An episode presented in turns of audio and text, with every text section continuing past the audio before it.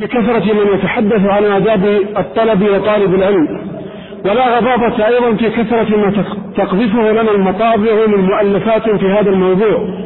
ففي ظلال الحرص على طلب العلم راجت بضاعة العلم الشرعي بعد كسادها وتلهفت على طلبه نفوس بعد خمولها. ولم نزل نرى ولله الحمد إقبالا متزايدا من شباب الأمة وكهولها عليه. والعلم أيها الإخوة كالبحار المتعذر كيلها والمعادن التي لا ينقطع ليلها والعمر قصير لا يستوعب ذلك كله.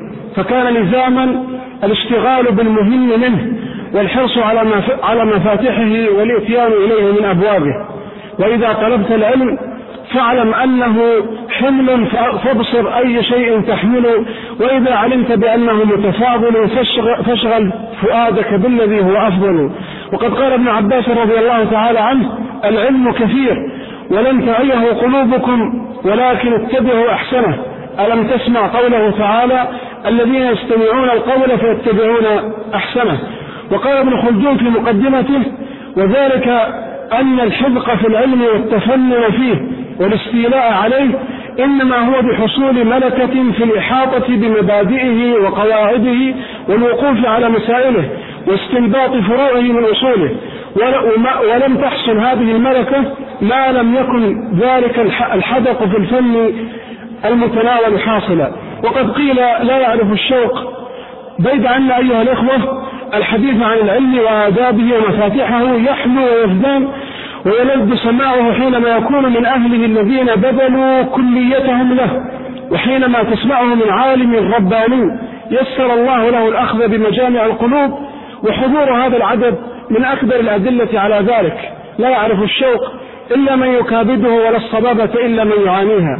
تأتي هذه المحاضرة أيها الإخوة في هذه السلسلة المباركة بإذن الله.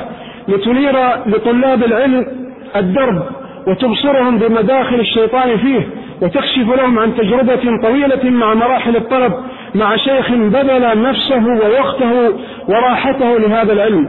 كل ذلك بإذن الله يأتيكم هذه الليلة مع شيخنا الفاضل ببيان يقوم على تحليل علمي رصين وتشخيص موفق دقيق وسير وراء الدليل واتباع لآثار, لآثار من سلف من علماء السلف الصالحين. حتى يصدق في شيخنا هذه الليلة قول القائل أبدت نقولك ما أخفيت من حكم موروثة عن جدود أنجم زهري في هذه المحاضرة أيها الإخوة والتي تحمل عنوان مفاتيح العلم أو مفاتيح العلوم سيقدمها لكم فضيلة الشيخ الدكتور عبد الكريم بن عبد الله الخضير وفقه الله تعالى لكل خير. سائل المولى جل وعلا أن يلطف بنا وأن يعصمنا من الخطأ والزلل وإرادة غير وجهه عز وجل وأن يجزي عنا الشيخ عبد الكريم بأفضل ما جزى به شيخا عن تلامذته وأن يمد في أيامه ويديم علينا وعليه سابغات إنعامه وأن يغفر له لنا وله ولوالديه ومشايخه والمسلمين أجمعين. أدعوكم أيها الإخوة الكرام مع شيخنا الفاضل في هذا الموضوع المهم سائر المولى عز وجل لي ولكم التوفيق. والله تعالى أعلم. وصلى الله وسلم على نبينا محمد. السلام عليكم ورحمة الله وبركاته. الحمد لله رب العالمين. صلى الله وسلم وبارك على عبده ورسوله نبينا محمد وعلى آله وصحبه أجمعين. أما بعد. ففي هذه الليلة المباركة في هذا المكان المبارك في بيت من بيوت الله نجتمع. لنتدارس شيئا مما لعله أن ينفعنا في طريقنا ومشوارنا الطويل في طلب العلم. وأخونا الشيخ المقدم الشيخ علي حفظه الله حكم على أمور لم يتصورها بعد. وحكم بجودتها ولما يسمعها. وهذا إحسان ظن منه أرجو أن أكون عند حسن ظنه. وهذا المكان الطيب المبارك يحمل اسم علم يعد من المجددين في التعليم. حيث بذل عمره في تحصيل العلم وتعليمه وبسطه للطلاب. فالشيخ محمد رحمة الله عليه بن صالح العثيمين الذي سمي باسمه هذا المسجد في تقديره أنه ذلل العلم لسالكيه ولطالبيه. ذلل الطريق لسالكيه وسهل العلم لطالبيه كثير من طلاب العلم المتوسطين لا يدعون على قراءة بعض الكتب كزاد المستقنع حتى ذلله رحمة الله عليه بطريقته وأسلوبه وبسطه وإيضاحه. ومثل هذا لا يتأتى من فراغ. التصوير الصحيح الدقيق الواضح البين لا يتم إلا بعد تصور صحيح دقيق. فالذي لا يتصور المسائل على وجهها لا يستطيع أن يصورها لغيره على وجهها. في هذا المكان الطيب المبارك نجتمع مع ثلة من طلاب العلم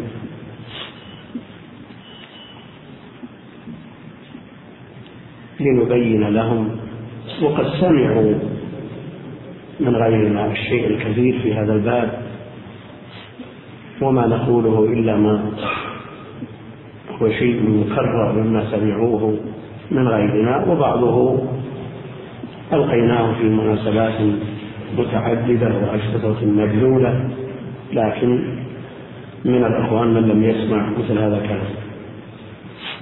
المفاتيح والمفاتش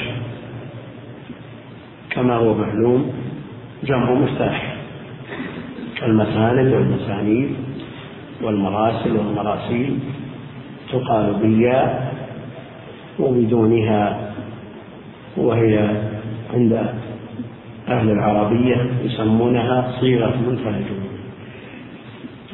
بالياء وبدونها. والذي في القرآن من ذلك بالياء وبدون الياء.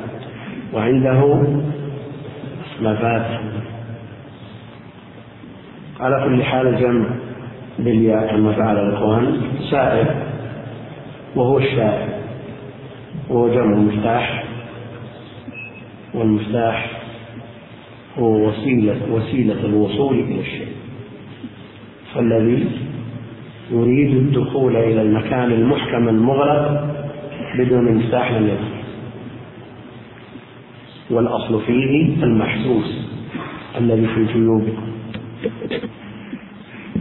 وأطلق على المفتاح المعنوي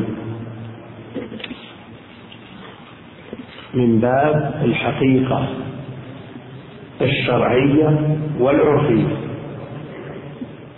وليس مجازا كما يقول بعضهم وأعظم مفتاح يملكه الإنسان مفتاح الجنة. لا إله إلا الله. هذا هو المفتاح الذي يدخل به الجنة. لكن المفتاح لا بد له من أسنان. فإذا جاء الإنسان بمفتاح ليس له أسنان لن يدخل لأنه لن يفتح ولن ينفع. فالمفاتيح والمفاتح هي الطرق الموصلة. إلى المراد.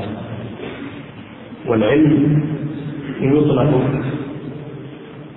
بإزاء الجهل وهذا هو المقصود. كما أنه يطلق قسيما للظن والشك والوهم وليس مرادا هنا إنما نريد هنا ما يقابل الجهل. والعلم رفعة رفعة منزلة في الدنيا والآخرة. يرفع الله الذين آمنوا منكم والذين أوتوا العلم درجات. والجهل ضعف وكل واحد يطلب لنفسه الرفعة ويرفع عنها الضعف.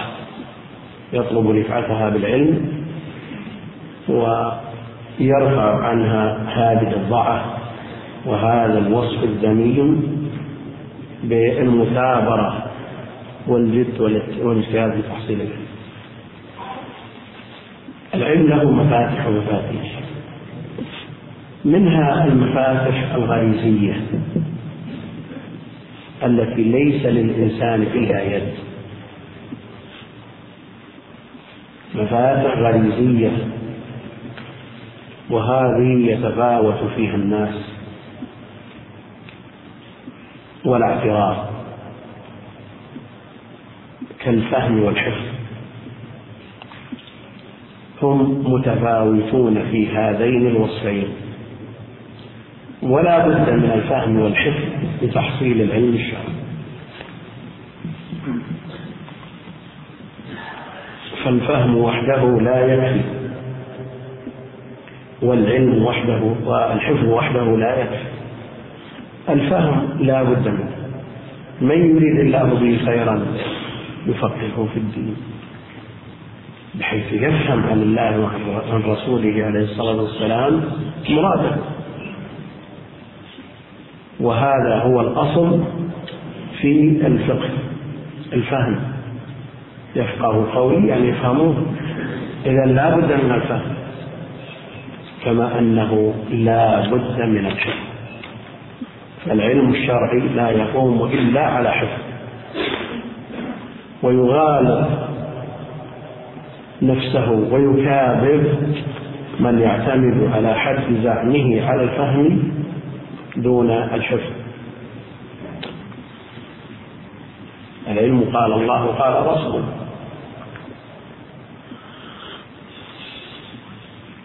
كيف يفهم كلام الله ولما يحفظ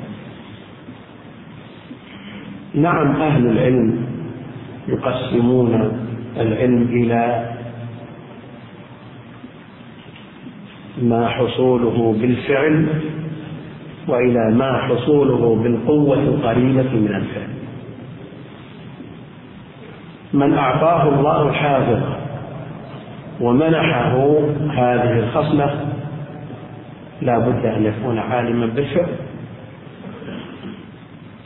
بأن تكون النصوص في ذهنه بحيث يعتمد عليها اعتمادا كليا ويستنبط منها. ومن لا تصعبه الحافظة يكون من القسم الثاني وهو العالم أو الفقيه كما يقولون بالقوة القريبة من الفعل. بأن يحرص على كلام فهم كلام أهل العلم ويحفظ ما يستطيع يبذل جهده ويستفرغ وسعه على فهم على حفظ ما يستطيع. والذي لا يستطيع لا يكلف فيه. فلا علم بدون فهم لأن الاعتماد على الحفظ وحده دون فهم يصدق فيه ما يردده بعض الناس من قولهم بإزاء من يحفظ زاد في البلد نسخة. نحن كون البلد فيها نسخ كثيرة من هذا الكتاب وهذا يحفظ هذا الكتاب ولا يعاني فهمه هذا بمثابة زيادة نسخة وهذه العبارة وإن كان أصلها ومنشأها سببه التقليل من شأن الحفظ. وقد راجع قبل نصف قرن من الزمان ادعايات ضد الحفظ. حتى قال قائلهم ممن يزعم أنه يعاني تربية الجيل أن الحفظ يبلد الذهن. الحفظ يبلد الذهن. وأقول لا علم إلا بحفظ. وأنتم سمعتم ورأيتم من يعلم ومن يفتي مع ضعف في حافظته أو عدم عناية منه بالحفظ. سمعتم ما لا يعجبكم. بخلاف من حفظ العلوم على رأسها النصوص قال الله وقال رسوله. فالذي يفتي بالنصوص على نور من الله جل وعلا.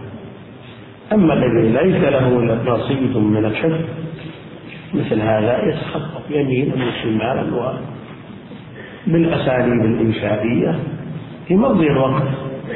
لكن هل يقنع السامع لا سيما إذا كان السامع طالب علم لا. والساحة مملوءة من أمثال هذا يعني فرق بين أن تسمع كلام عالم له عناية بالفقه بالعلم من أبوابه وله حفظ ورصيد من الحفظ من النصوص ومن أقوال أهل العلم ولا سيما من أقوال سلف الأمة فيما يوضح به النصوص المنشاسب ممن لا يحكم بين هذا وبين من لا يحكم. فلا بد من الحفظ ولا بد من الفهم. لا يكفي الحفظ وحده ولا يكفي الفهم وحده. ولو كان الفهم كافيا دون حفظ لرأينا من عوام المسلمين ممن يعدون من أذكياء العالم وهم في أسواقهم من الباعة. رأيناهم علل وهم يسمعون العلم يسمعون الخطب يسمعون الدروس في المساجد ومع ذلك لا يدركون شيئا من العلم وهم على جانب كبير من الفهم. فعلى هذا المفاتيح الغريزية هي الفهم والحفظ. فإذا حفظ طالب العلم ما يريد حفظه من نصوص الكتاب والسنة ومن أقوال العلماء من المتون المعروفة عنده في كافة العلوم حرص على فهم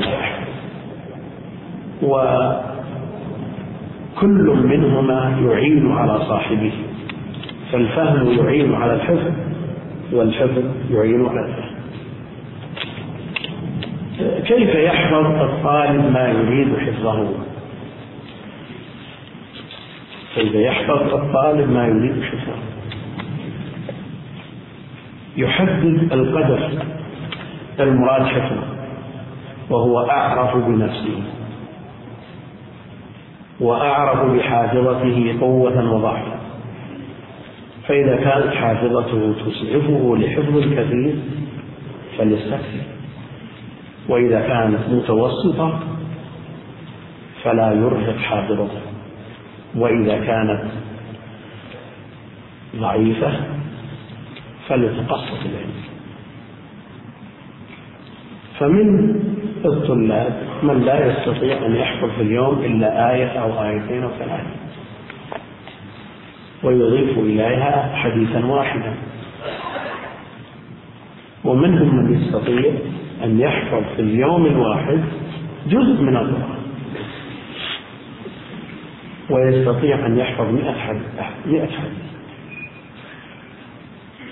وقد رأيت من نفسي طفلين. أحدهما شقيقة أحدهما في العاشرة والثاني في الحادية عشرة يقول والدهم اختبر اختبر هذين حفظ القرآن وحفظ الصحيحين بالأسانيد والآن هما بصدد حفظ أبي داود والترمذي. يوميا يحفظان خمسين حديث من سنن أبي داود بأسانيدها وخمسين حديث من سنن الترمذي بأسانيد هذا الحالة التي تسعد وبعض طلاب العلم يعاني من يرددها حتى يمسي وإذا أصبح بدأ من جديد ولا يكلف الله نفسا إلا وسعها ومثل هذا لا ييأس. مثل هذا يعوض بالحرص والدأب على الطلب من غير انقطاع. ومثل هذا لو لم يحصل علما البتة يكفيه أن يندرج في قوله عليه الصلاة والسلام من سلك طريقا يلتمس فيه علما سهل الله له به طريقا. وقد زاملنا بعض الكبار كبار السن ممن هو في الثمانين من العمر وهم يطلبون العلم ووجودهم في حلقات التحصيل منذ ستين أو سبعين سنة إنما هو مجرد بركة وللإندراج في هذا الحديث وإلا إذا نوقشوا أو سئلوا سألهم الشيخ فإذا بهم لا شيء. ومثل هذا لا ييأس ألا يكفي الإنسان أن يسهل الله طريقه إلى الجنة؟ هذا يكفي مثل هذا. ولا شك أن مثل هذا جهاد. جهاد. فإذا أراد طالب العلم أن يحفظ فليبدأ بكتاب الله جل وعلا. وإذا كانت الحاجة تسعفه فلا يخلط معه غيره. إذا كان يستطيع أن يحفظ القرآن في ثلاثة أشهر كما فعل بعضهم يذكر في ستين يوم الآن لكن من الشيوخ المعروفين من ثلاثة أشهر منهم من حفظ ستة أشهر منهم من حفظ سنة لكن إذا كان يتمكن من حفظ القرآن من غير خلط ثلاثة أشهر أو أربعة أشهر أو خمسة أشهر أو ستة أشهر فمثل هذا لا يخلط معه غيره ليضمن حفظ القرآن. وهذه طريقة المغاربة. التي أشار إليها ابن خلدون في مقدمته. أنهم يبدأون بحفظ القرآن ولا يخلطونه بغيره ليضمنوا حفظ القرآن وكم من واحد من طلاب العلم ممن أدخل العلوم الأخرى مع حفظ القرآن ثم طال به الوقت في حفظ القرآن إلى أن وصل إلى حد قد يأس فيه من حفظ القرآن. فإذا ضمن طالب العلم حفظ القرآن سهل عليه ما بعده وحفظ القرآن معين له في تحصيل كل علم شرعي. لأنه أصل العلوم وأساسها. والسنة إنما هي بيان له. إذا حدد القدر الذي يستطيعه خمس آيات عشر آيات ردد هذا المقدار حتى يحفظه. يردده حتى يحفظه. وليحرص أن يكون في مكان مغلق. ليس بفسيح. مكان مغلق. صغير مغلق. لئلا يتشتت الذهن. وإن كان في مكان كبير فليذهب إلى زاوية منه كالمسجد ويحفظ وليحرص على الوقت المناسب للحفظ. ومن أنسب الأوقات للحفظ ما قبل صلاة الفجر. فإن لم يستطع فبعد صلاة الفجر ليس ببعيد. وقت هدوء.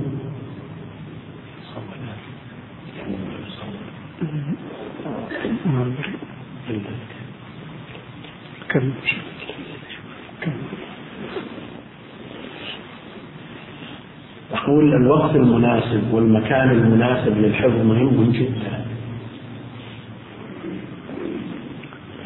بعض الناس من حرصه يأخذ معه ما يريد حفظه في أماكن الانتظار. هو ذاهب للمستشفى وينتظر دوره أو ذاهب لأي مكان يحاول حفظ هذا ضيع وقت حقيقة. لو استغله في غير ذلك لأن مثل هذه الأماكن أولا هذا العلم عزيز لا ينال براحة الجسم. وينبغي أن يفرض له من سلام الوقت. أما مثل الوقت الذي أشرنا إليه وقت الانتظار مثل هذا يكون للعلوم التي هي أقرب للاستجمام مثل كتب الأدب والتواريخ.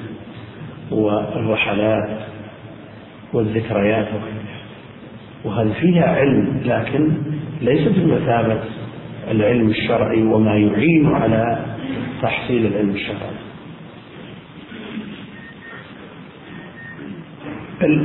الفهم يحتاج إلى مكان فيه سعة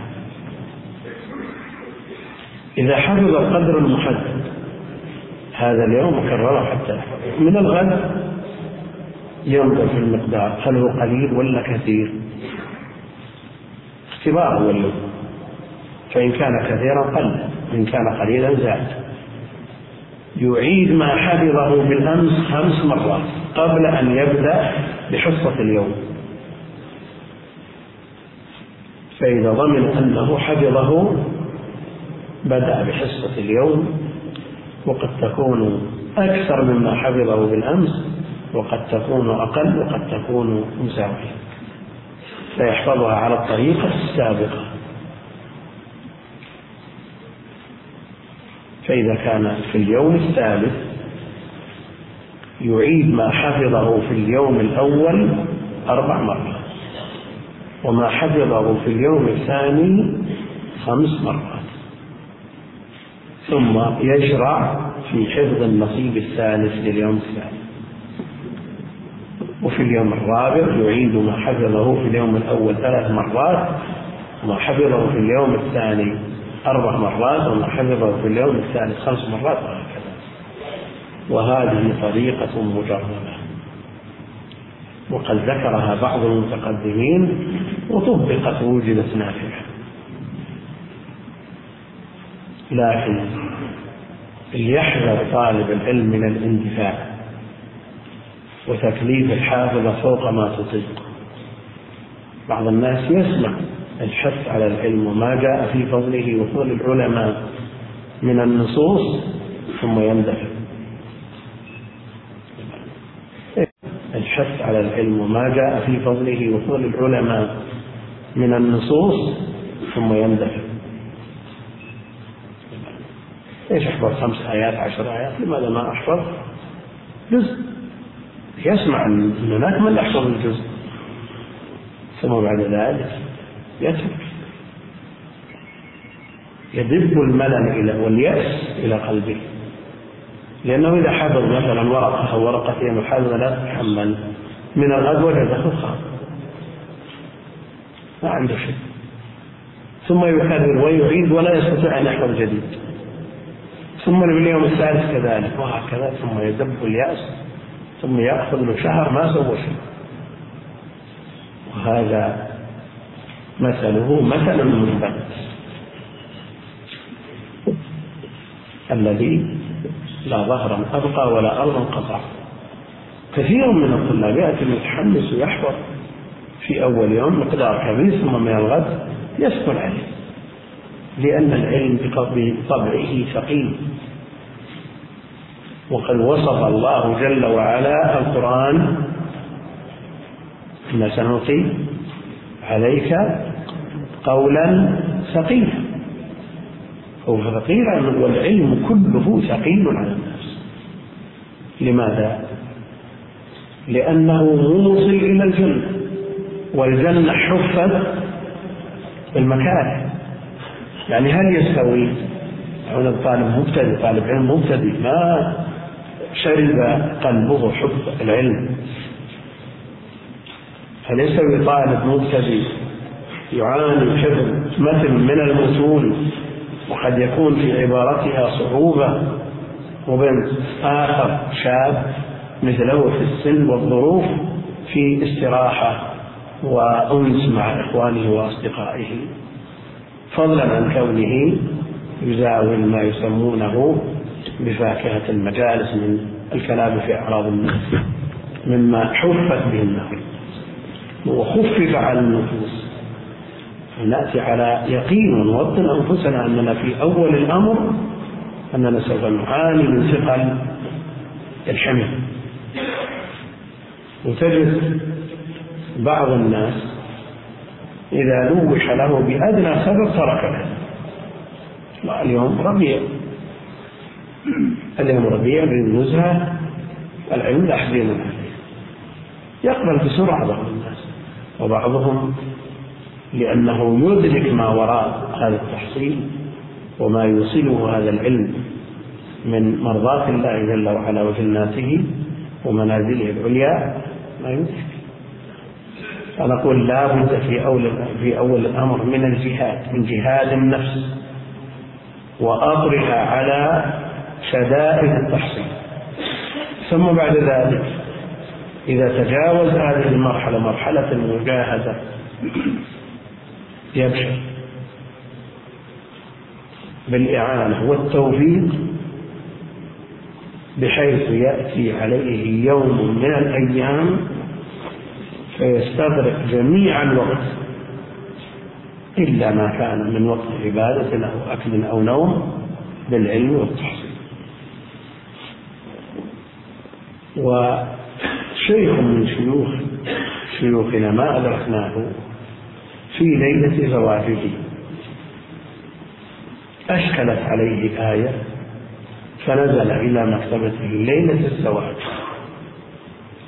فنزل إلى المكتبة ومن تفسير إلى تفسير حتى أذن الفجر. وهذا مجرد يعني يصعب على طالب العلم أن يمسك كتابه يقرأ ثم بعد ذلك إذا جاهد نفسه في, في أول يوم يقرأ ورقة شو المانع؟ قراءة غير حفظ. في اليوم الثاني يقرأ يزيد على ذلك في اليوم الثالث إلى أن يصل الحد إلى أن يقرأ في اليوم خمس عشرة ساعة. وهذا موجود ومجرد. والأمر يسير على من يسره الله عليه. قد يقول قائل أنا موظف أنا طالب وقتي مستغرق في في مدرستي أو في وظيفتي. نقول خذ الأمثلة من العلماء الموجودين الآن. ممن تجاوز المرحلة التي نسميها مرحلة الجهاد جهاد النفس. عنده دوام من الثامنة إلى الثانية الظهر وعنده نصيب وقسط وورد يومي من القرآن يصل عند بعضهم إلى أن يقرأ القرآن في ثلاثة. وعنده درس بين المغرب والعشاء. وعنده ارتباطات ولجان بعد العشاء. ويزور المرضى. يعود المرضى. ويزور المقابر. ويجيب الدعوات. ويصل الأرحام. قد يقول قائل هذا ضرب كيف؟ عنده دوام من سنتين إلى من ثمانية إلى سنتين نعم هذا موجود. لكن متى بعد مجاوزة المرحلة مرحلة المجاهدة فعلى طالب العلم أن يعزم على نفسه وأن يحملها على تحصيل العلم تحمل شدائده لكن بالطريقة التي شرحناها بالتدريج. لا يأتي دفعة واحدة. لأن الذي يأتي دفعة واحدة لا ينتهي أن ينصرف فإذا حمل على الطريقة التي ذكرناها. الكتاب الذي يريد حفظه متن من المتون في أي علم من العلوم. ويحضر به درس من الدروس عند أحد المشايخ. إذا حفظ القدر المحدد خمسة أسطر ستة أسطر عشرة. كيف يفهم هذا الدرس؟ لأنه لا بد من الحفظ والفهم. ذكر الشيخ عبد القادر بن بدران طريقة وهي طريقة ممتازة. يقول يجتمع خمسة من الزملاء المتقاربين في الفهم ثم يقرأ كل واحد منهم ما حفظ. ثم ينفذ كل واحد عن الآخر فيشرح هذا المقدار قبل الرجوع إلى الشرح. يشرحه من تلقاء نفسه على حسب فهمه هو. ثم يجتمعون فكل منهم يقرأ شرحه. ويتناقشون أنت الصواب عندي الصواب معك الصواب إلى آخره. ثم يقرأ الشرح من قبل أهل العلم. وتصحح الأخطاء فإذا صححت الأخطاء هل تعود إلى الذهن مرة ثانية؟ بعد هذه الطريقة؟ لا. لا يمكن أن يعود الخطأ مرة ثانية. الإشكال الذي يعانيه كثير من طلاب العلم أنهم حفظوا في بداية الطلب وبعض ما حفظوه فيه خطأ في اللفظ. ومن ذلك بعض الأوراد والأذكار. كثير من الناس حفظ في أول الأمر من غير مراجعة سمع نعم. ثم بعد ذلك حفظ على خطأ ويصعب تصحيحه بعد حين لكن لو كان التصحيح في وقته لسهل. كثير من الناس أذكار الصلوات يقرأوا الخطأ وهو في صلاته. أذكار الاستفتاح أذكار الركوع السجود. يخطئ فيها كثير حتى من طلاب العلم. لماذا؟ لأنهم حفظوا خطأ في السابق. وبعضهم يحفظ على لحن بعضهم يحفظ على تصحيح ثم يستمر الخطأ. أقول إذا استمع هؤلاء الثلة وقرأوا كل واحد قرأ منهم شرحه وصححوا الأخطاء بينهم اجتهادا منهم ثم قرأوا الشرح من قبل أهل العلم. كتب المشروحة المخدومة ولذا يوصى بالاهتمام بالكتب المخدومة. أما الكتب غير المخدومة التي ليس لها شروح ولا حواشي ولا تدرس في البلد فلا يوصى بها. وإن كان فيها خير كثير هناك تراجع لكن ما تكون أساس للتحصيل قد يقول قائل مثلا على سبيل المثال كافر ابن الحاجب في غاية الأهمية واهتم بها أهل العلم. بل منهم من نذر نفسه عمره كله لتعليمها ونسب إليها كافيجي مثلا. لكن لو قال واحد أنا أنا أنا لا أحتاج لا إلى الأيسومية ولا القطر ولا الآلفية أنا أحتاج إلى الكافية ولا يوجد من يدرسها وأشكل عليك شيء. أقول على طالب العلم أن يعنى بالكتب المخدومة. ولا مانع من أن يراجع الكتب الأخرى لكن حفظ وأساس متين يبني عليه عليه أن أن يعنى بالكتب المخدومة في بلده.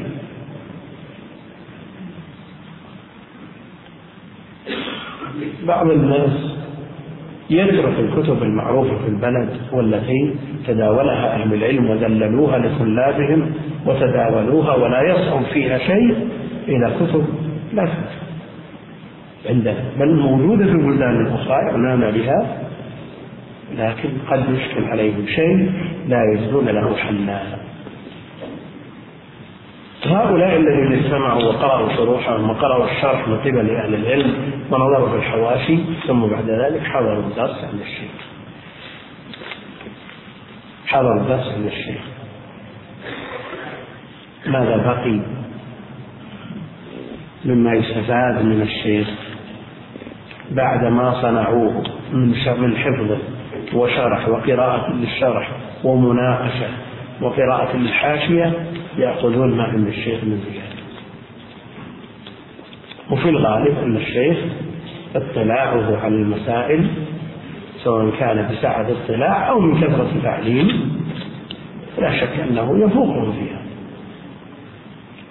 مع الإنصات. يحضرون الدرس عند الشيخ مع الإنصات والأدب. وعدم الكبر والعجب. لأن بعض الإخوان يحضر الدرس يقرأ درس قبل الحضور ثم يحضر عند عند الشيخ ثم إذا جاء الشيخ للمبتدأ سبقه بالخبر. مثل هذا ما الدافع له أن يقول أن يفعل مثل هذا؟ الذي يغلب على الظن أنه من أجل أن يعرف الشيخ أنه مضطجع وأن يعرف زملائه أنه يبوقهم وهذه حقيقة مرة. لا لا يفلح معها الطالب. وكذلك لا يفلح الطالب إذا اعتمد على الدرس فقط. فلا يعرف الكتاب إلا بالدرس فمثل هذا قل أن يفلح. وقد نص على ذلك العلم العلم متين لا بد له من حفظ وفهم ومدارسة ومراجعة على الطريقة التي ذكرناها ثم يحضر الدرس ويسأل عما يشكل عليه. مجتنبا في ذلك الآفة الكبرى. العائق عن التحصيل وهي الكبر والعجب وأن لا يستحي عن الاستفهام عما يحتاجه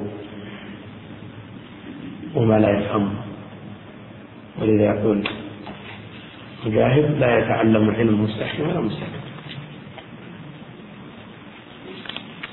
فإذا حضر الدرس وناقش الشيخ بكل أدب واحترام طالبا بذلك المعرفة لا يطلب بذلك التعالم ولا يطلب بذلك تعجيز الشيخ.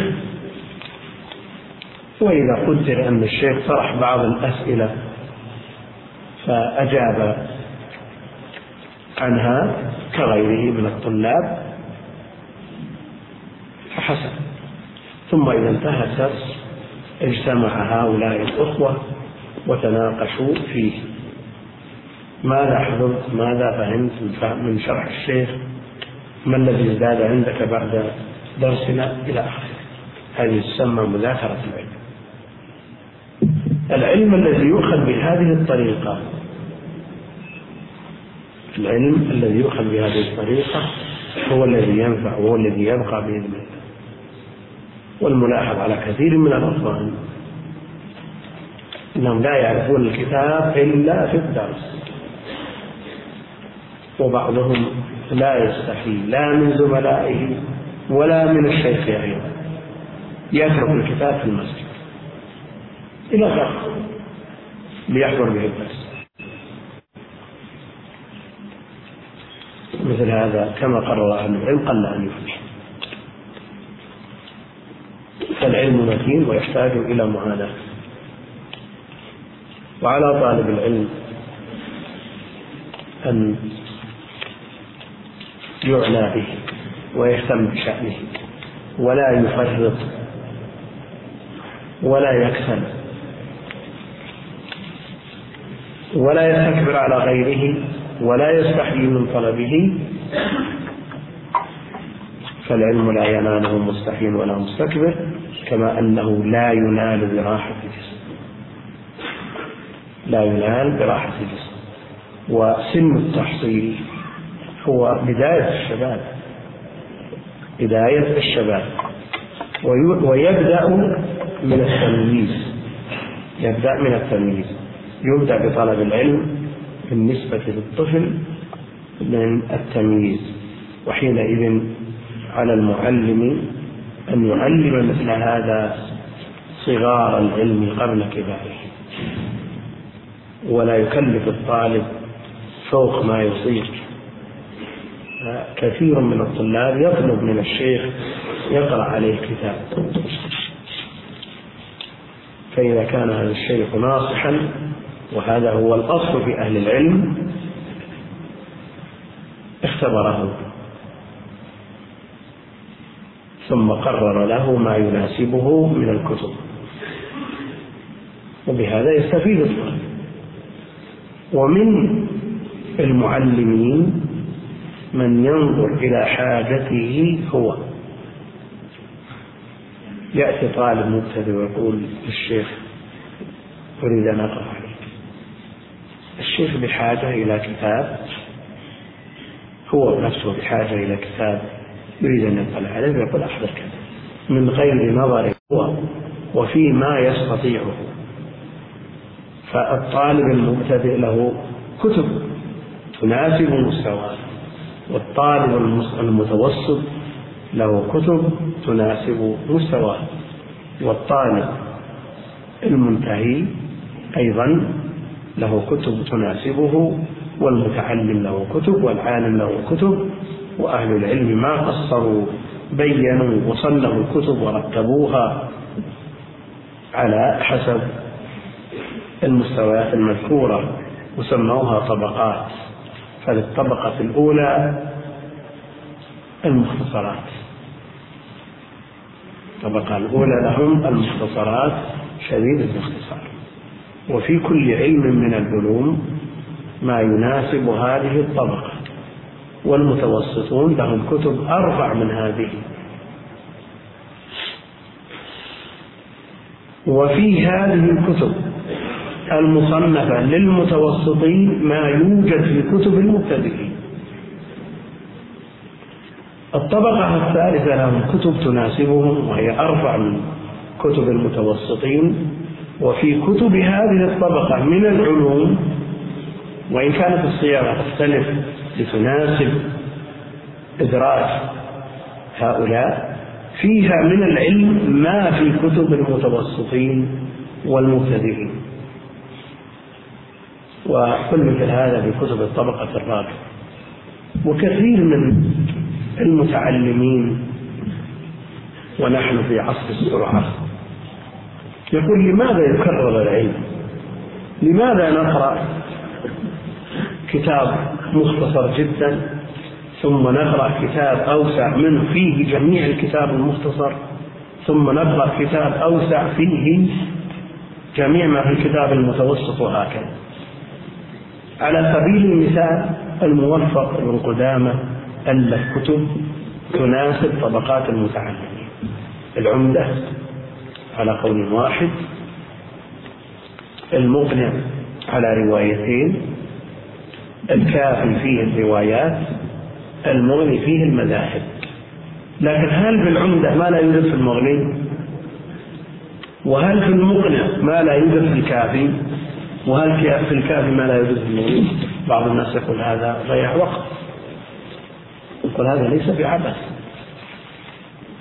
هذا ليس بعبث. العلم الذي حفظته في الصغر وتكرر عليك مرارا هذا هو زادك في المستقبل.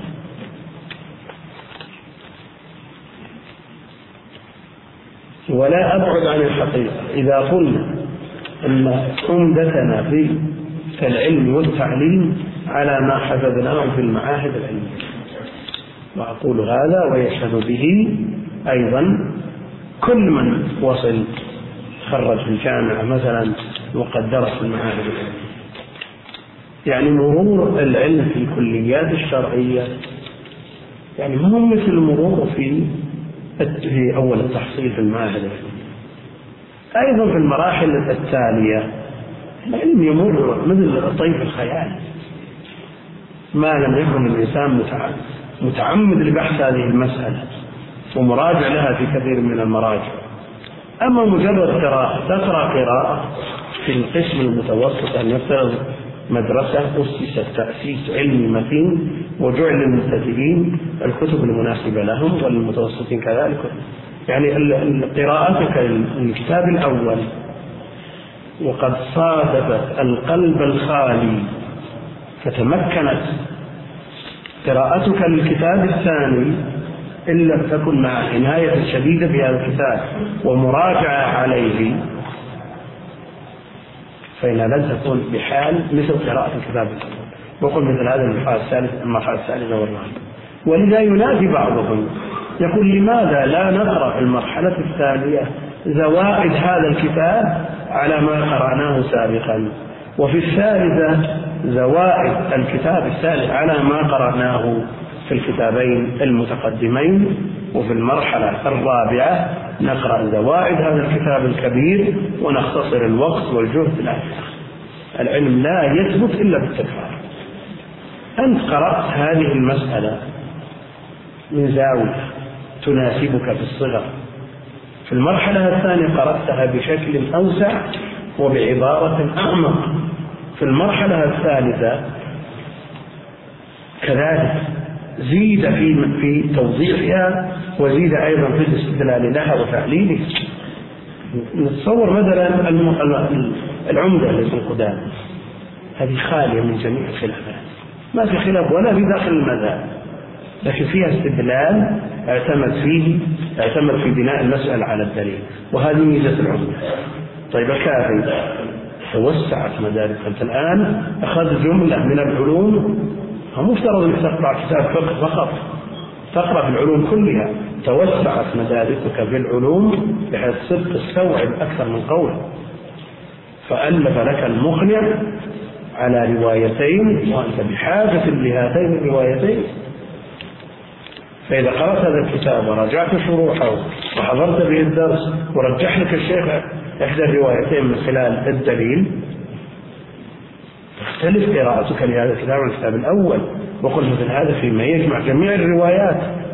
كالكافي مثلا. توسعت مدارك الطالب لما وصل إلى المرحلة وقل مثل هذا إذا وصل إلى مرحلة المغني. وفيه المذاهب بأدلتها. فيخطئ من من ينادي بعدم تكرار العلم واقتصار على الزوائد وقل مثل هذا في من يطالب باختصار الكتب. يقول نحن في عصر السرعة. البخاري سبعة آلاف وخمسمائة حديث والبخاري بغير المكرر الثلث فقط. لسنا بحاجة إلى الثلثين فبدلا من نقرأ البخاري في سنة نقرأ البخاري. نعم بثلاثة أشهر أو أربعة ولسنا بحاجة إلى التكرار نقول لا يا أنت كيف تعتمد أولا على اختصار الناس واختصار الكتب من قبل طالب العلم نفسه من أعظم وسائل التحصيل ومن أعظم المفاتيح للعلم كيف؟ نأتي إلى صحيح البخاري الذي ينادي كثير من الناس باختصاره لأننا لسنا بحاجة إلى حدثنا حدثنا قال حدثنا وتكرار يريد الحديث بعشرين موضع على إيش؟ وهو الحديث. إحنا غرضنا المثل نقول لا يا أخي. أن تؤهل نفسك لأن تكون عالم. تنير الطريق للأمة بكاملها وتفتي الأمة بحق. لا يا أخي ما يكفيك إن أردت أن تختصر فاختصر لنفسك. وليكن الأصل هو ديدنك ولا يخاطب بهذا الطالب المبتدئ إخوان لا. لكن يخاطب به من يطالب اختصار البخاري. يقول لي لماذا من أقرأ اختصار البخاري؟ المسألة مسألة متن الذي يهمنا اللفظ النبوي. نقول كم يفوتك من علم باقتصارك على المختصرات؟ اختصر لنفسك إن أردت. فتبدأ بالصحيح. وتقرأ الترجمة الكبرى. كتاب كذا. ثم الترجمة التي تليها باب كذا. هذه الترجمة التي ترجم بها البخاري من عند هذا فقهه وبه يتمثل فقه السلف. فقه أهل الحديث. فإذا أتيت إلى الحديث في الموضع الأول وقرأت ترجمة البخاري واطلعت على ما ساقه البخاري. من آثار موقوفة ومقطوعة عن الصحابة والتابعين لتوضيح هذه الترجمة. كلام نفيس تستغني عنه تقتصر على المختصرات المختصر من وجهة نظره رأى أنك لست بحاجة إلا إلى ما ذكر لكن أنت قد تكون بأمس الحاجة إلى ما حدث. فإذا قرأت الترجمة وفهمت فقه البخاري. ثم فهمت فقه السلف الذي دعم به البخاري فقهه ثم أتيت إلى الحديث المرفوع بسنده بسنده وأنت بحاجة ماسة إلى معرفة رجال الصحيح ليوفر لك الجهد إذا مر عليك هؤلاء في كتاب لم تلتزم صحته. أنت عندك حديث في سنن أبي داود ما تدري صحيح. لكن تعرف أن هؤلاء الرواة من رواة الصحيح. مروا عليك وأنت تدرس صحيح البخاري. لكن لو اختصرت على المختصر ما استفدت. إذا ما مسكت الحديث الأول بهذه الطريقة. ثم ذهبت إلى أطرافه. والحمد لله الكتاب مخدوم. الكتاب الحديث الأول خذ في سبعة مواضع. ترجع إلى هذه المواضع. تشوف تراجم البخاري على هذا الحديث. واستنباط البخاري من هذا الحديث وهذا فقه استنبط من الحديث فوائد كثيرة جدا أو دعا بهذه التراجم ودعم هذا الفقه بفقه السلف من الصحابة والتابعين وأردفه بالحديث المرفوع. ولا يمكن أن يكرر البخاري حديثا بإسناده ومتنه في موضعين إلا نادرا يعني في عشرين موضع فقط. يعني خمسة آلاف أحاديث مكررة ما فيها ما كرره البخاري بإسناده مثل إلا عشرين فقط. وأما البقية فلا يكرر الحديث إلا لفائدة سواء كانت في متنه أو في إسناده ولو في صيغ الأداء.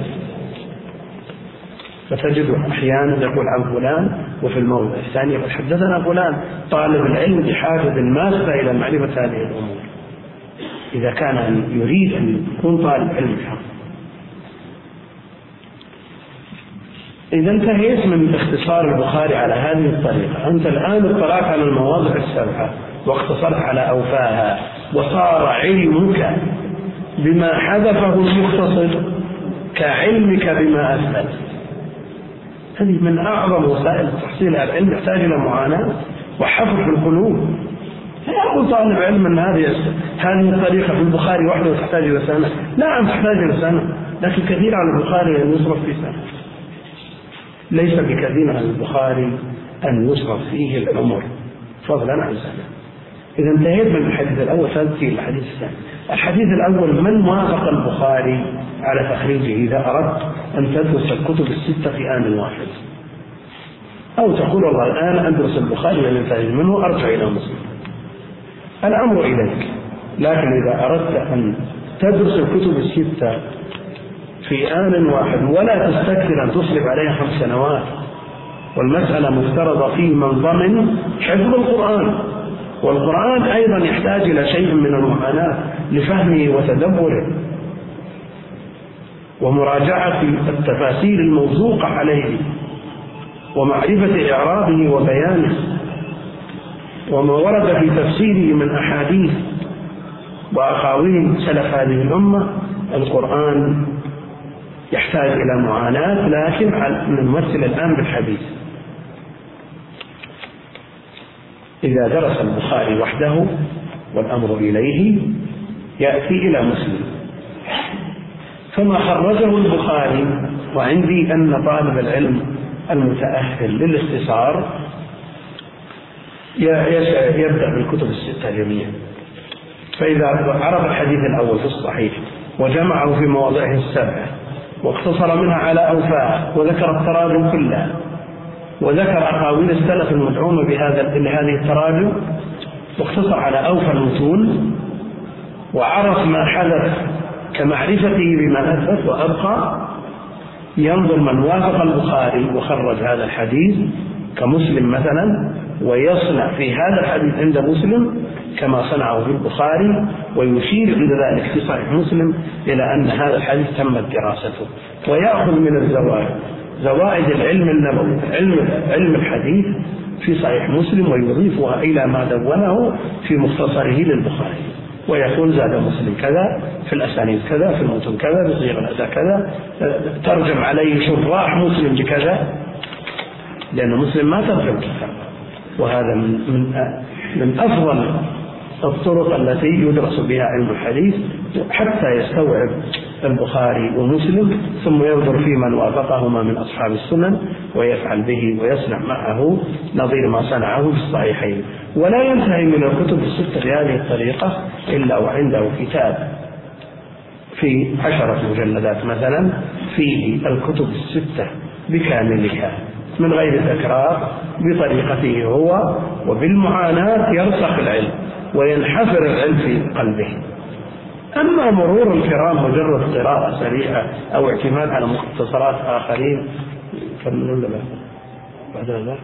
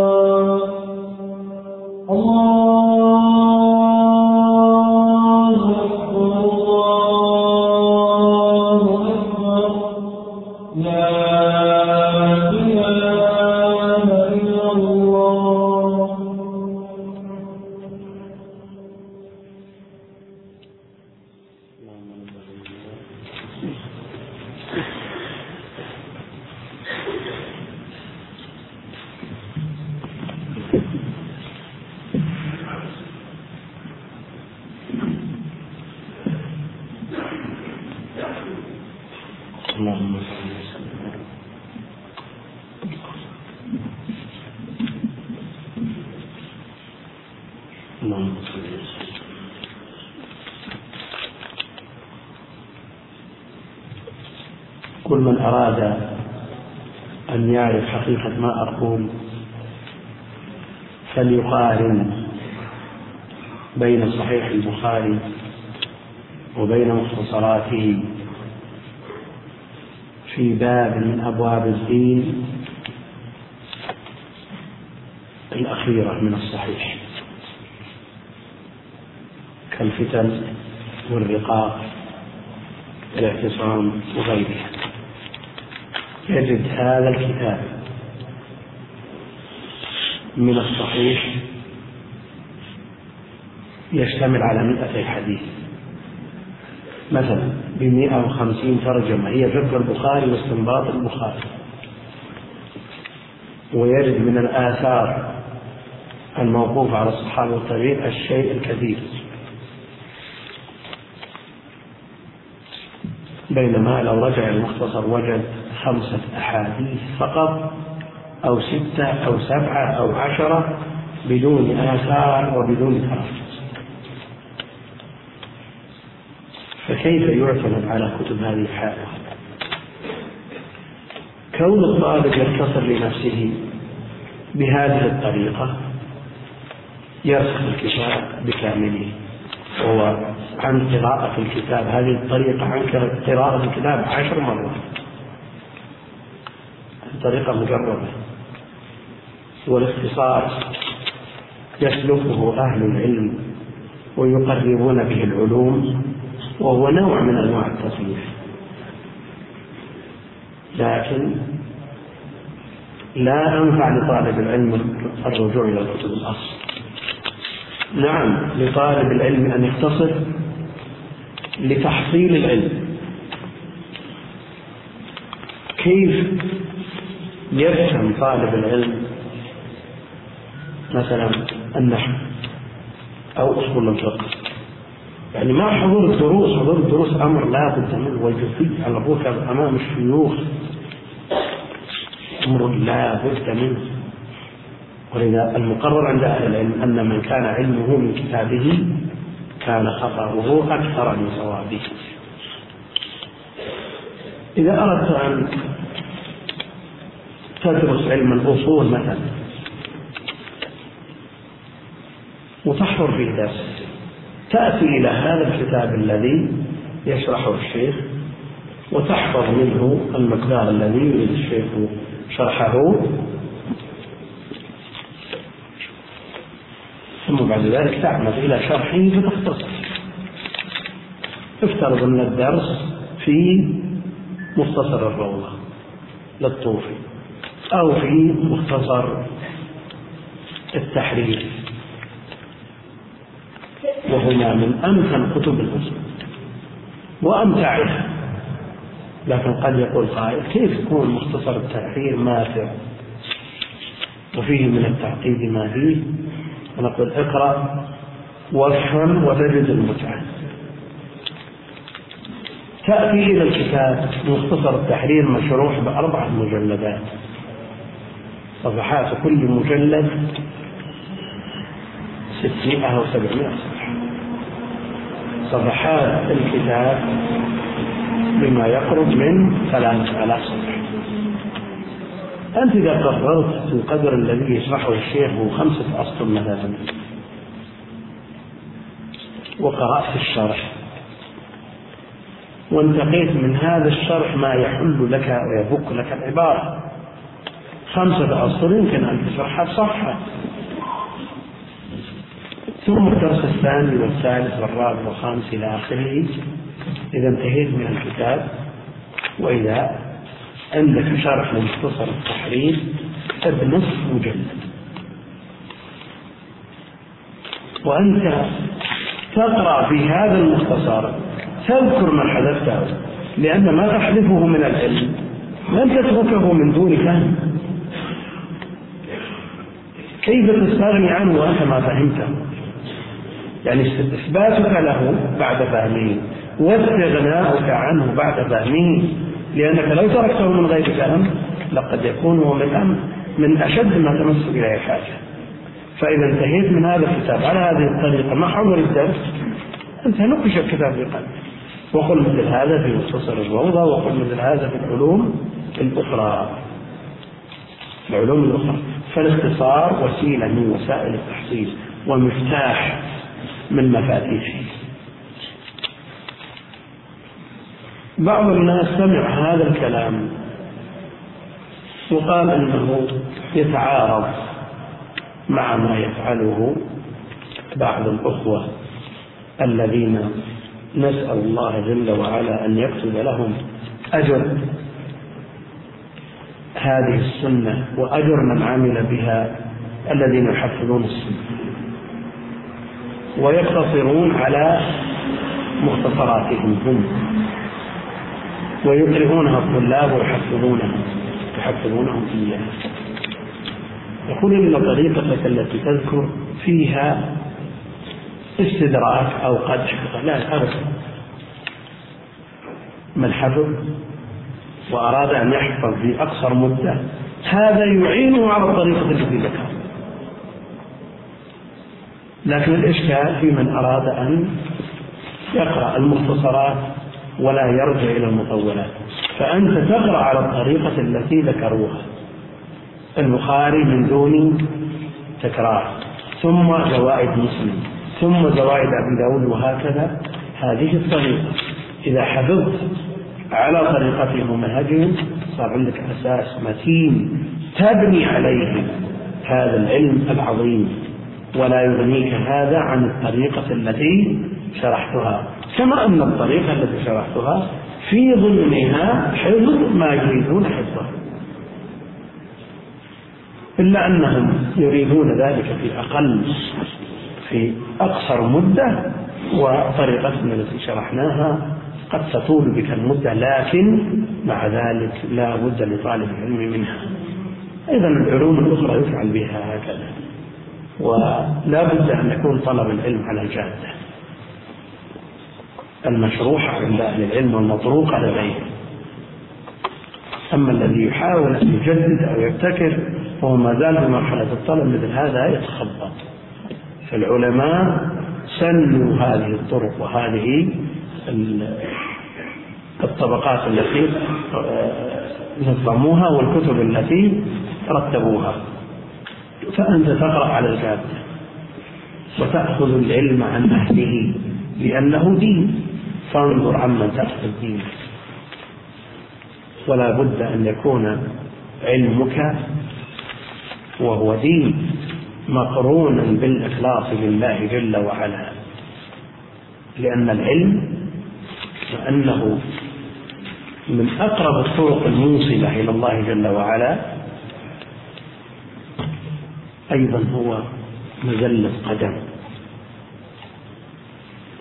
مزلة قدم وليس فيه نصف حل أو شخص يريد أن يمسك العصا من منتصف لا. أما أن تقول ممن رفع درجات أو تكون أول من تسمع به النار يوم القيامة. فلا بد من الإخلاص. لا بد من الإخلاص. وليحذر طالب العلم من العوارض والصوارف لا سيما ما يتعلق بآفات القلب.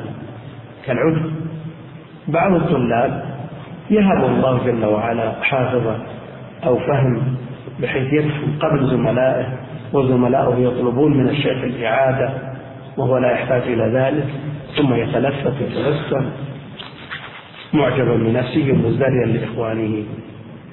والعجب فاحذره. إن العجب مجتنف أعمال صاحبه في سيره العرم. كذلك الكبر. الكبر فالكبر من أعظم الصوارف. عن تحصيل العلم الشرعي. وها هنا ترفع. عبيد الله السقاف مفتي حضرموت توفي قبل نصف قرن. يقول في رسالة له في العلم والتعليم قرأت في بعض الكتب ممن يلمز شيخ الإسلام ابن تيمية بالكبر.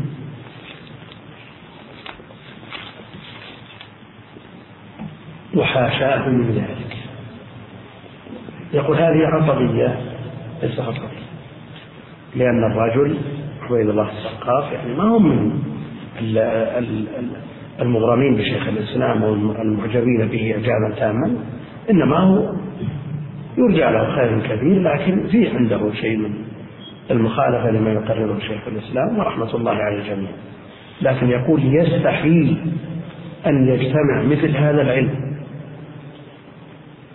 وأن يكون القرآن على طرف لسانه وأسلة بنانه وهو عنده شيء من الكبر.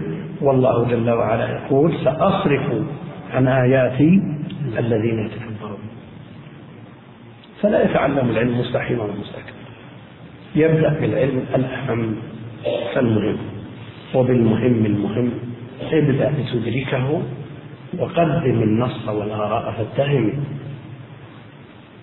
لا بد أن تبدأ بالمهم والأهم ثم الذي يليه. وبالمناسبة هناك قصيدة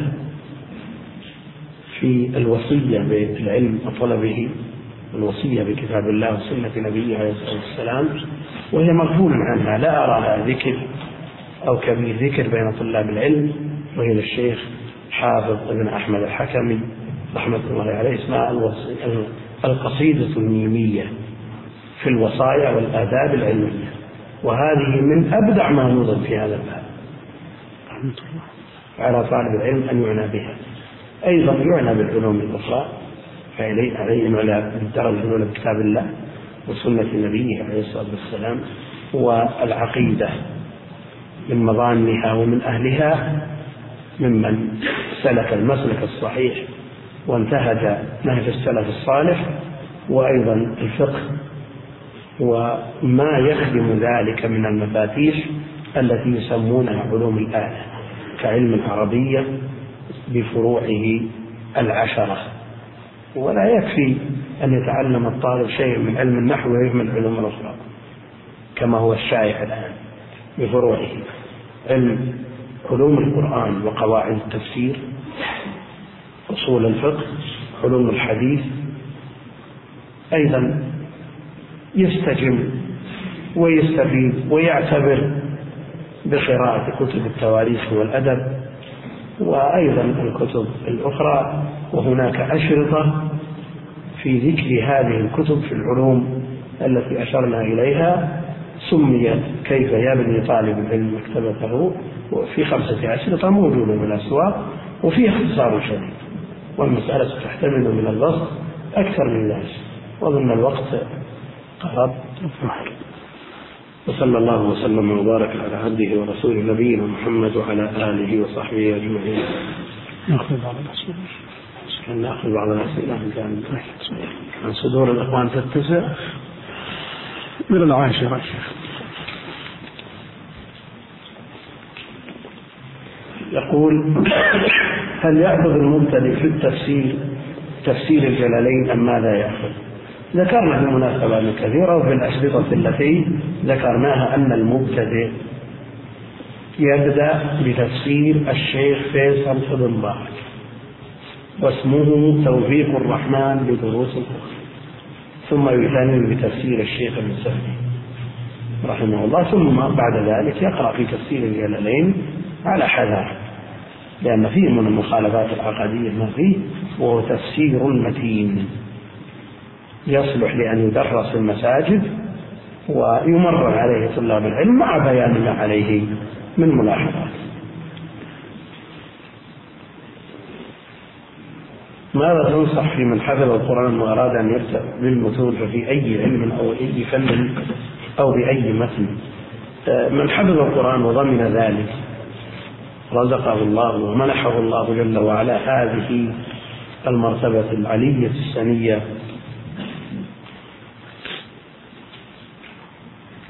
لا يخلو إما أن يكون.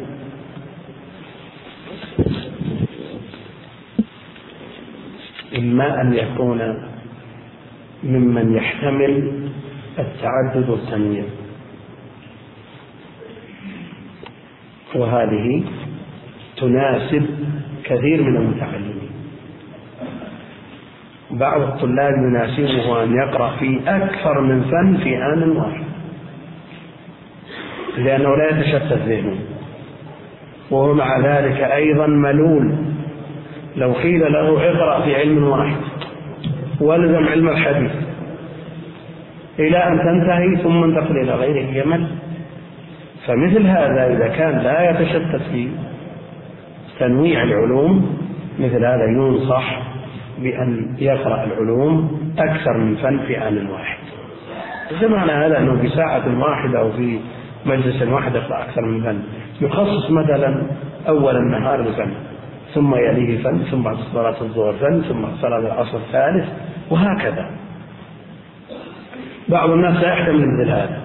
إذا قرأ في أكثر من كتاب تشتت. وعنده صبر وجلد على أن يمسك الكتاب. بالطريقة التي ذكرناها إلى أن ينتهي مثل هذا يقال له الزم علم واحد. فالناس يتفاوتون منهم الملول ومنهم الصبور والدؤوب وكل يسلك ما يناسبه.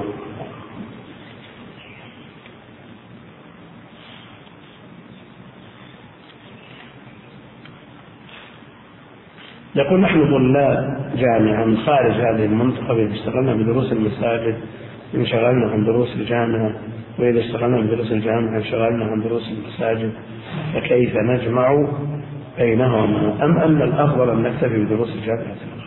هذه الجامعة لا تقبل إما أن تكون جامعة شرعية فدروسها تخدم دروس المسجد ودروس المسجد تخدم دروس ولا يتميز في الجامعات في الكليات الشرعية إلا طلاب المسجد. أما إذا كانت الكليات غير شرعية من علوم الدنيا مثلا من طب أو هندسة أو غيرهما. مثل هذا. يعنى بما هو بصدده وهو مأجور على ذلك. إن شاء الله تعالى بالنية الصالحة. ومع ذلك يقرأ ما يناسبه من الكتب التي ألفت لأمثاله بالأساليب المبسطة. لأن طلاب العلم لهم أساليب. يمرن عليها طلاب العلم. وإذا قلت أن الكتاب كل ما كانت عبارته أدق وأصعب وأعمق كان تأثيره في طالب العلم أقوى. هؤلاء طلاب العلم الشرعي لا بد أن يمرنوا على هذه الكتب.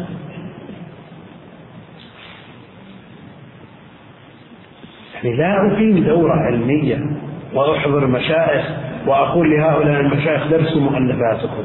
كما وجد في بعض الدورات. نعم.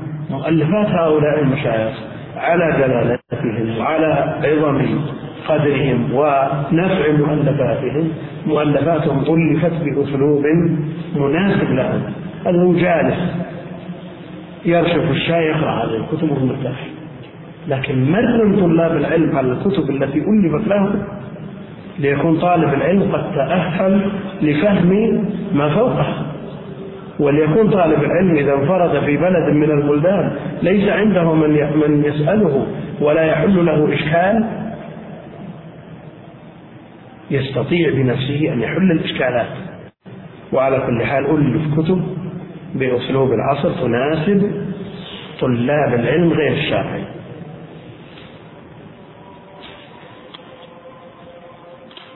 ما رأيك بالدورات التي تقام في حفظ الصحيحين بعد حفظ كتاب الله تعالى وهل حفظ الأسانيد مهم في هذا الوقت بعد حفظ هذه الكتب. على كل حال حفظ أو حضور الدورات التي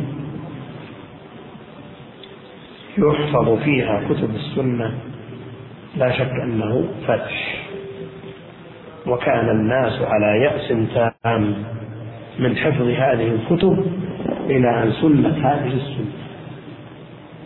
ويذكر بعضهم أنه بدأ بحفظ زوائد البيهقي. من يتطاول على قراءة البيهقي؟ قبل وجود هذه الدورات أو المستدرك أو غيره من الكتب. يعني الجادة عندهم يقرأ الأربعين والبلوغ الأربعين والعمدة والبلوغ يعني قرب المنتقى وتقرأ كتب السنة وكتب الستة مسح قراءة سرد فوجدنا من يحفظ ولا يفهم فحضور هذه الدورات في غاية الأهمية مع التطبيق الذي ذكرناه. فإذا اجتمع هذا وهذا ضمنا أن هناك من طلاب العلم من سار على الدرب الذي يوصله إن شاء الله تعالى بالشرط الذي ذكرناه وهو الإخلاص لله جل وعلا. ومن أعظم وسائل تحصيل العلم تقوى الله جل وعلا. اتقوا الله ويعلمكم الله. فالعلم بالعمل من أعظم وسائل تحصيله. والذي لا يتقي الله جل وعلا ولا يحقق هذا الشرط في نفسه هذا لا يحصل علم ولو جمع من المسائل والأحكام ما جمع فإن هذا ليس بعلم. شاء أم أبى وإن قال الناس إنه عالم. فلا علم إلا بالتقوى. يحمل هذا العلم من كل خلل عدول العلماء استشهدهم الله جل وعلا على وحدانيته وألوهيته. فكيف يكون ممن يتصدى لأعظم شهادة لأعظم مشهود له وهو ليس بأهل وليس بكفر يخالف الأوامر ويرتكب النواحي. هذا جاهل وليس بعالم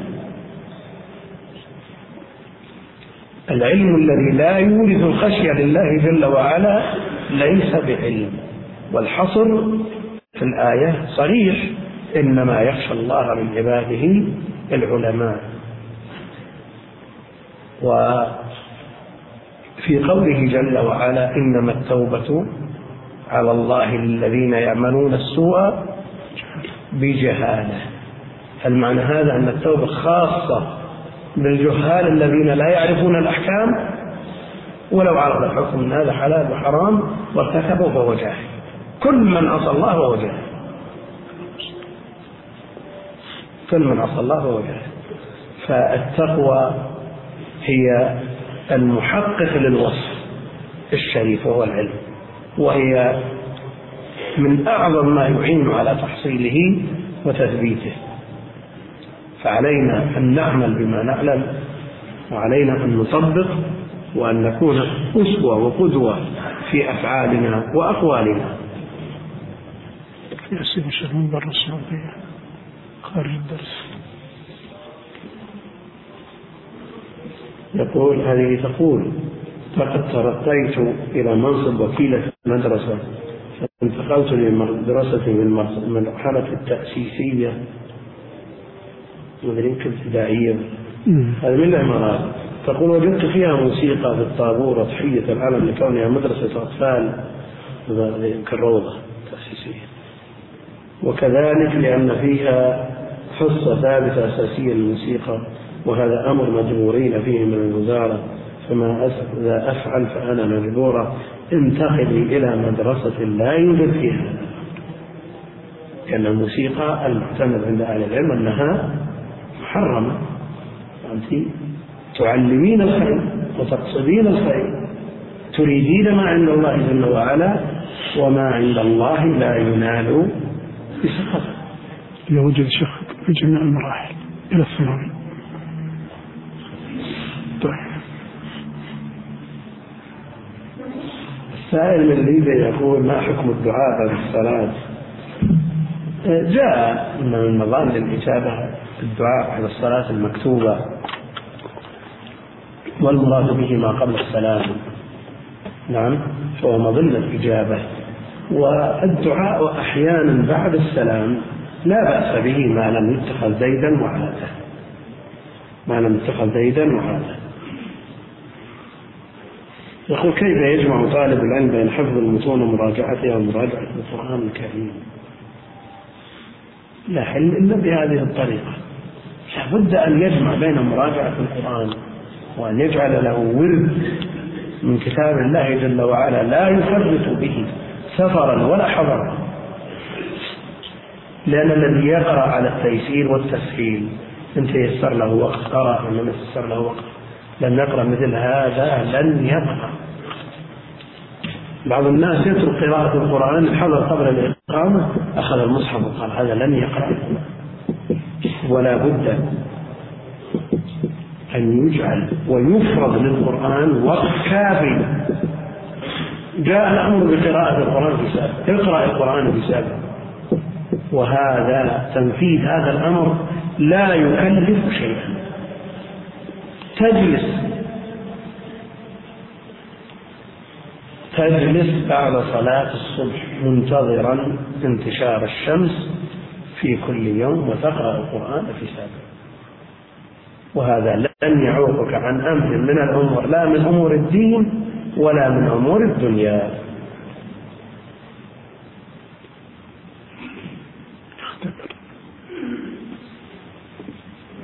طيب شيخ. يقول هل يجوز أن يختبر الطالب شيخ؟ كيف يختبر الطالب شيخ؟ كيف يختبر الطالب شيخه؟ أولا الطالب عليه أن يقصد من الشيوخ من يغلب على ظنه أنه يفيده وينفعه ويكفي في مثل هذا الاستفاضة وسؤال أعلى.